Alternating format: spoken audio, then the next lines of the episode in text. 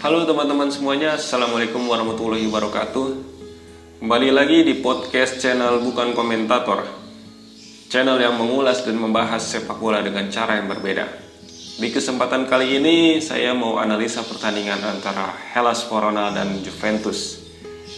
Ya, ternyata lagi-lagi Juventus harus kalah sama klub papan tengah. Dan ini merupakan kekalahan kedua secara beruntun dan di kesempatan kali ini gue ditemani oleh seorang fans dari Juventus dan juga pengamat sepak bola. Ya coba diperkenalkan dulu dengan siapa dan di mana. Ya, baik. Terima kasih Mas. Uh, izin saya Rangga. Saya Juventini salah satu Juventini lah, salah satu Juventini kebetulan saya di salah satu pengurus di Juventus Club Indonesia di bidang multimedia, Mas. Uh -uh. Ya, iya di Juventus Club Indonesia di JCI, ya. Untuk domisilinya ya, di tinggal di daerah mana? Saya tinggal di Bangka Belitung, Mas, di Kota Pangkal Pinang. Kebetulan saya lagi di Jogja lagi tugas kerja, Mas. Oh, jadi saat ini lagi di Jogja nih? Iya, lagi ada tugas kantor gitu kan. Oh, Oke, jalan jalan-jalan terus nih ya. Iya, kerja sih sambilan. Kalau dari pendapatnya nih, menurut Bung Rangga nih, apa sih yang menyebabkan nih Juventus harus kalah lagi, kalah lagi, kalah lagi? Gimana nih, Bung? Jalannya pertandingan tuh apa yang salah itu? Iya, kalau saya melihat sih ini lagi-lagi secara umum ini permasalahan Juventus masih di konsistensi ya. Masih inkonsisten permainannya. Eh, antar lini pun sepertinya masih berantakan kayak gitu. Di di belakang ini bukan menggambarkan Juventus yang beberapa tahun yang lalu seperti itu kan. Uh, dan juga di depan uh, saya melihat uh, Alvaro Morata itu nggak tahu ya apakah itu memang udah dia di level tertingginya atau seperti apa tapi saya sebagai saya pribadi uh, melihat permainan Morata udah udah udah mentok kayak gitu sih uh, permainannya nggak berkembang kayak gitu sih mas Oke, jadi emang krisis di lini depan Juve yeah. ya. Mm. Uh, kan juga di detik-detik bursa transfer kemarin harus ditinggalkan oleh seorang Cristiano Ronaldo yang notabene selama ini menjadi uh, sumber gol-gol dari Juve sebenarnya. Nah, opsinya nggak banyak, tapi cuma mendatangkan Moisken ya. Moisken boleh dibilang juga inkonsistensi juga penampilannya juga kadang bagus, kadang jelek. Morata ya kita tahu sendiri sebenarnya ya gitu-gitu aja sebenarnya striker biasa-biasa aja sebenarnya Nah, itulah dia yeah. kenapa sering pindah cup juga. iya, karena uh, kalau boleh juga saya mengkritik uh, secara pribadi Morata ini uh, gimana ya? Terlalu lembek. Iya, kadang-kadang saya uh, agak-agak ngedumel juga ketika dia ah dikit-dikit udah jatuh gitu. Udah kayak hmm. kayak kayak gitu-gitu aja udah dari pekan pertama ketika dia dipercaya main ya gitu-gitu aja permainannya sementara Moiseken juga uh, masih seperti Moiseken yang lama dan gitu nggak konsisten dengan permainannya itu uh, nggak tahu lah ya uh, gimana uh, selama Moiseken di PSG karena nggak nggak pernah nonton juga.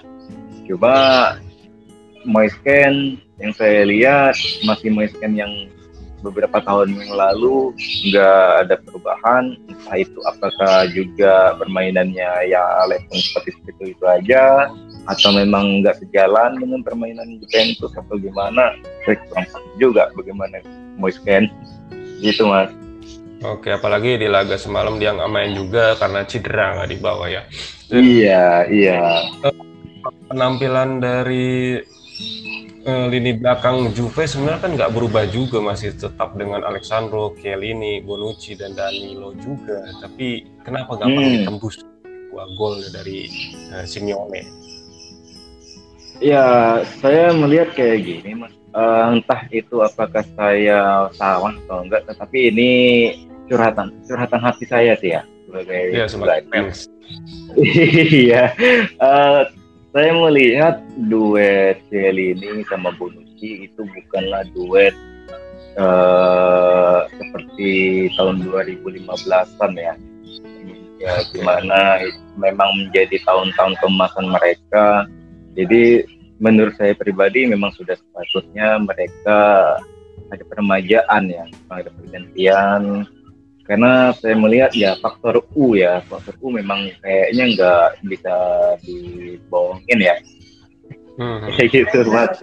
Iya karena karena uh, dari gimana ya karena dari gol Simeone pertama kalau yang gol kedua oke okay lah gol kedua itu ya itu memang ya, time, iya timing timing dari uh, Simeone memang keren akurasinya juga oke okay, ya uh, kiper mana pun kalau udah bola kayak gitu udah agak sulit. sulit. Nah cuma ke, yeah. iya ketik tapi yang untuk gol pertama itu saya melihat memang gimana Bonucci dengan gayanya yang juga yang masih masih kayak gitu ini kan ngambil satu langkah langkah uh, backup satu langkah ketika memang itu sudah uh, mati mati langkah ya udah nggak bisa lagi jadi semalam itu memang benar-benar kacau ketika gol pertama. Semacam kayak panik kayak gitu.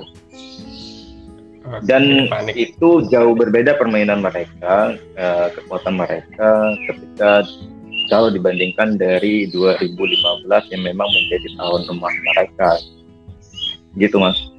Oke jadi uh, kalau kita dari strateginya Allegri juga kan ini sebenarnya memainkan empat empat tua dengan duet hmm, dan yeah. Morata dan cukup menarik di sini Rabiot yang disulap jadi sayap kiri. Iya. Rame juga perbincangan di medsos ini Rabiot jadi sayap kiri lalu uh, gimana penampilan di Bala dan Rabiot sendiri? Iya, untuk Rabio sendiri kadang-kadang dia memang kelihatan bermain bagus. Kadang memang ya ancur kayak kemarin kan ancur juga sih ya nggak enak juga kalau disebut ancur ya. Nggak kayak kayak gitu. nggak nggak tega juga ya.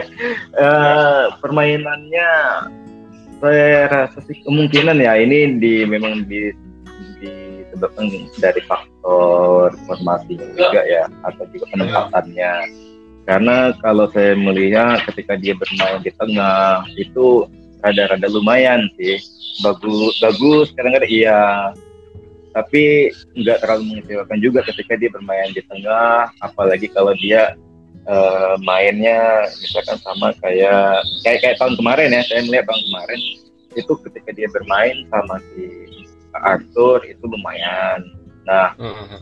untuk tahun ini ya untuk musim ini saya nggak tahu juga gimana ya uh, Allegri bisa menyulap di Rabiot sampai ke posisi di kiri gitu. Itu memang kayaknya nggak walaupun ya secara kaki beliau kidal tapi saya rasa nggak memang nggak cocok dan bukan posisi asli beliau kalau di kiri itu. Nah, kalau di bala ya, nah, Ya.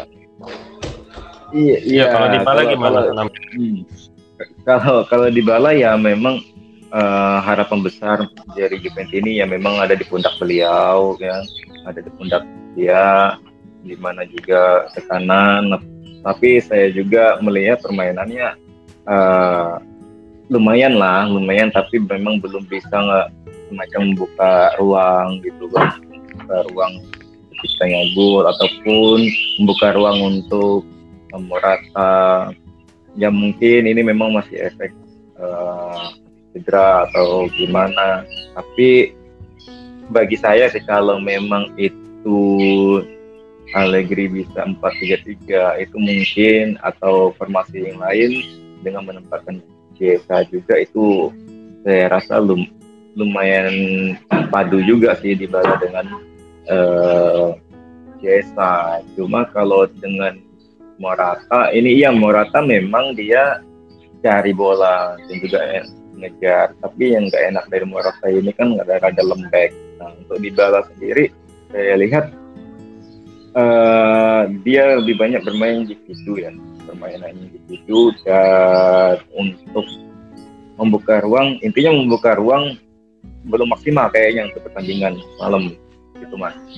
Oke, kalau uh, harapannya nih sebagai fans, apakah masih optimis dengan Allegri ini?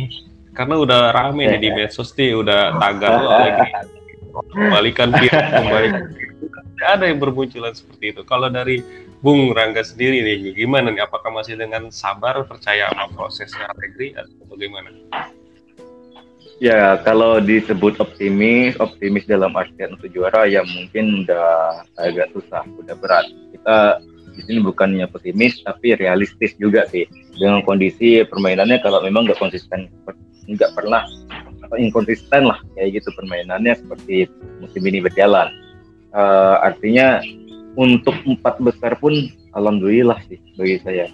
Kalau melihat permainannya sampai sekarang, apalagi ya rekor-rekor kekalahannya itu kan bukan uh, rekor-rekor yang kalah dari uh, tim-tim gede gitu rival. kan kayak iya rival lah kayak gitu kalau kalahnya itu sama rival oke okay lah cuma kalau kalahnya yang ke kayak kayak Solo, Verona itu sakit iya, gitu.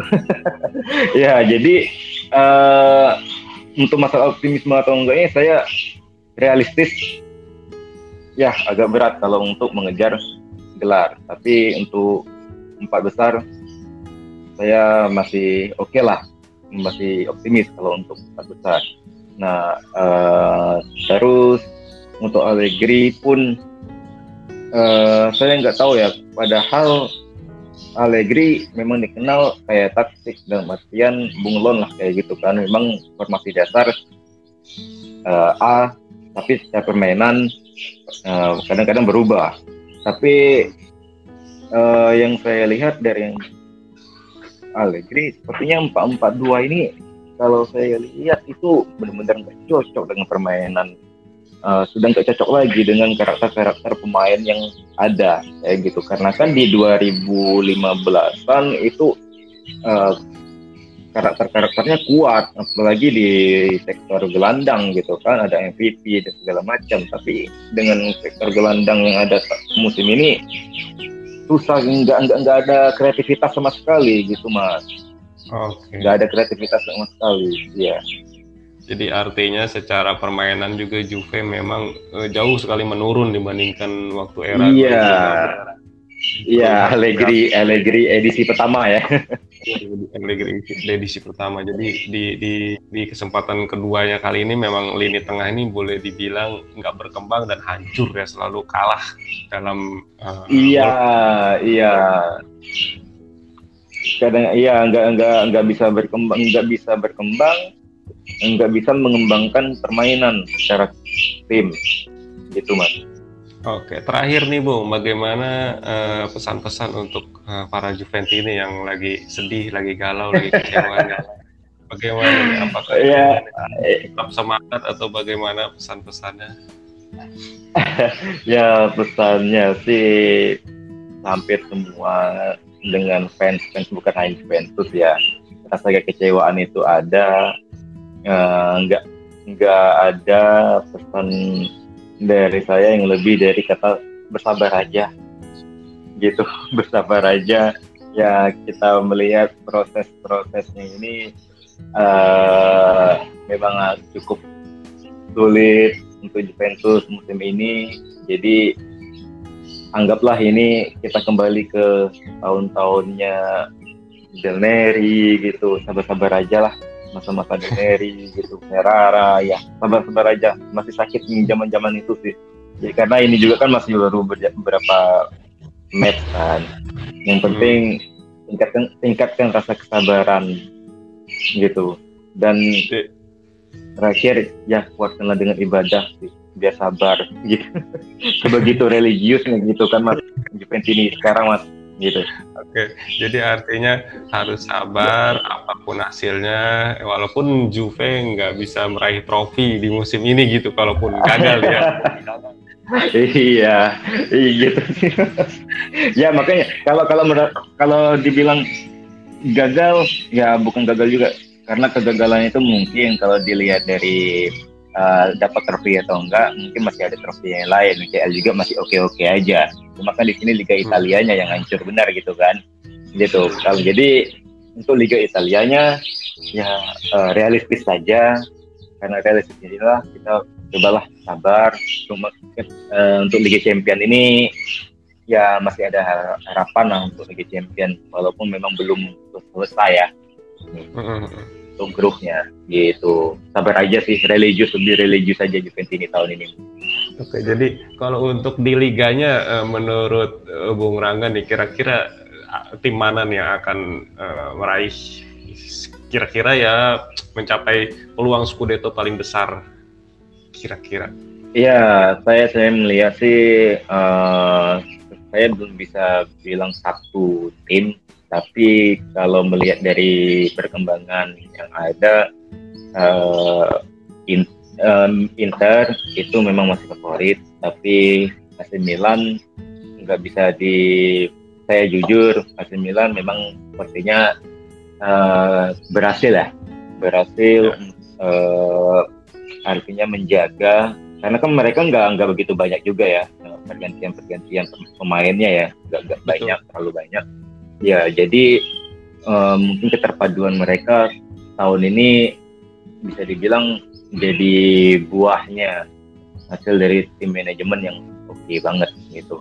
Selain Napoli juga uh, diam-diam adem-adem tapi cukup konsisten gitu. Jadi saya pikir kalau bagi saya pribadi tiga tim ini oke okay punya sih gitu mas untuk berebut jadi yang terbaik untuk musim ini. Ya, gitu mas. Artinya Juve sudah realistis uh, Kudeta ya.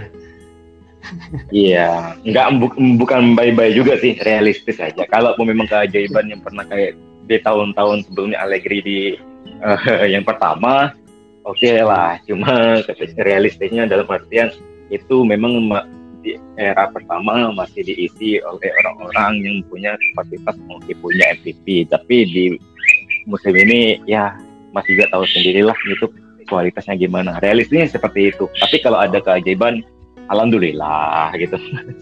Oke baik baik. Oke baik terima kasih banyak nih atas waktu dan kesempatannya Bung Rangga. Mudah-mudahan kita bisa ngobrol-ngobrol lagi di kesempatan yang lainnya ya Bung.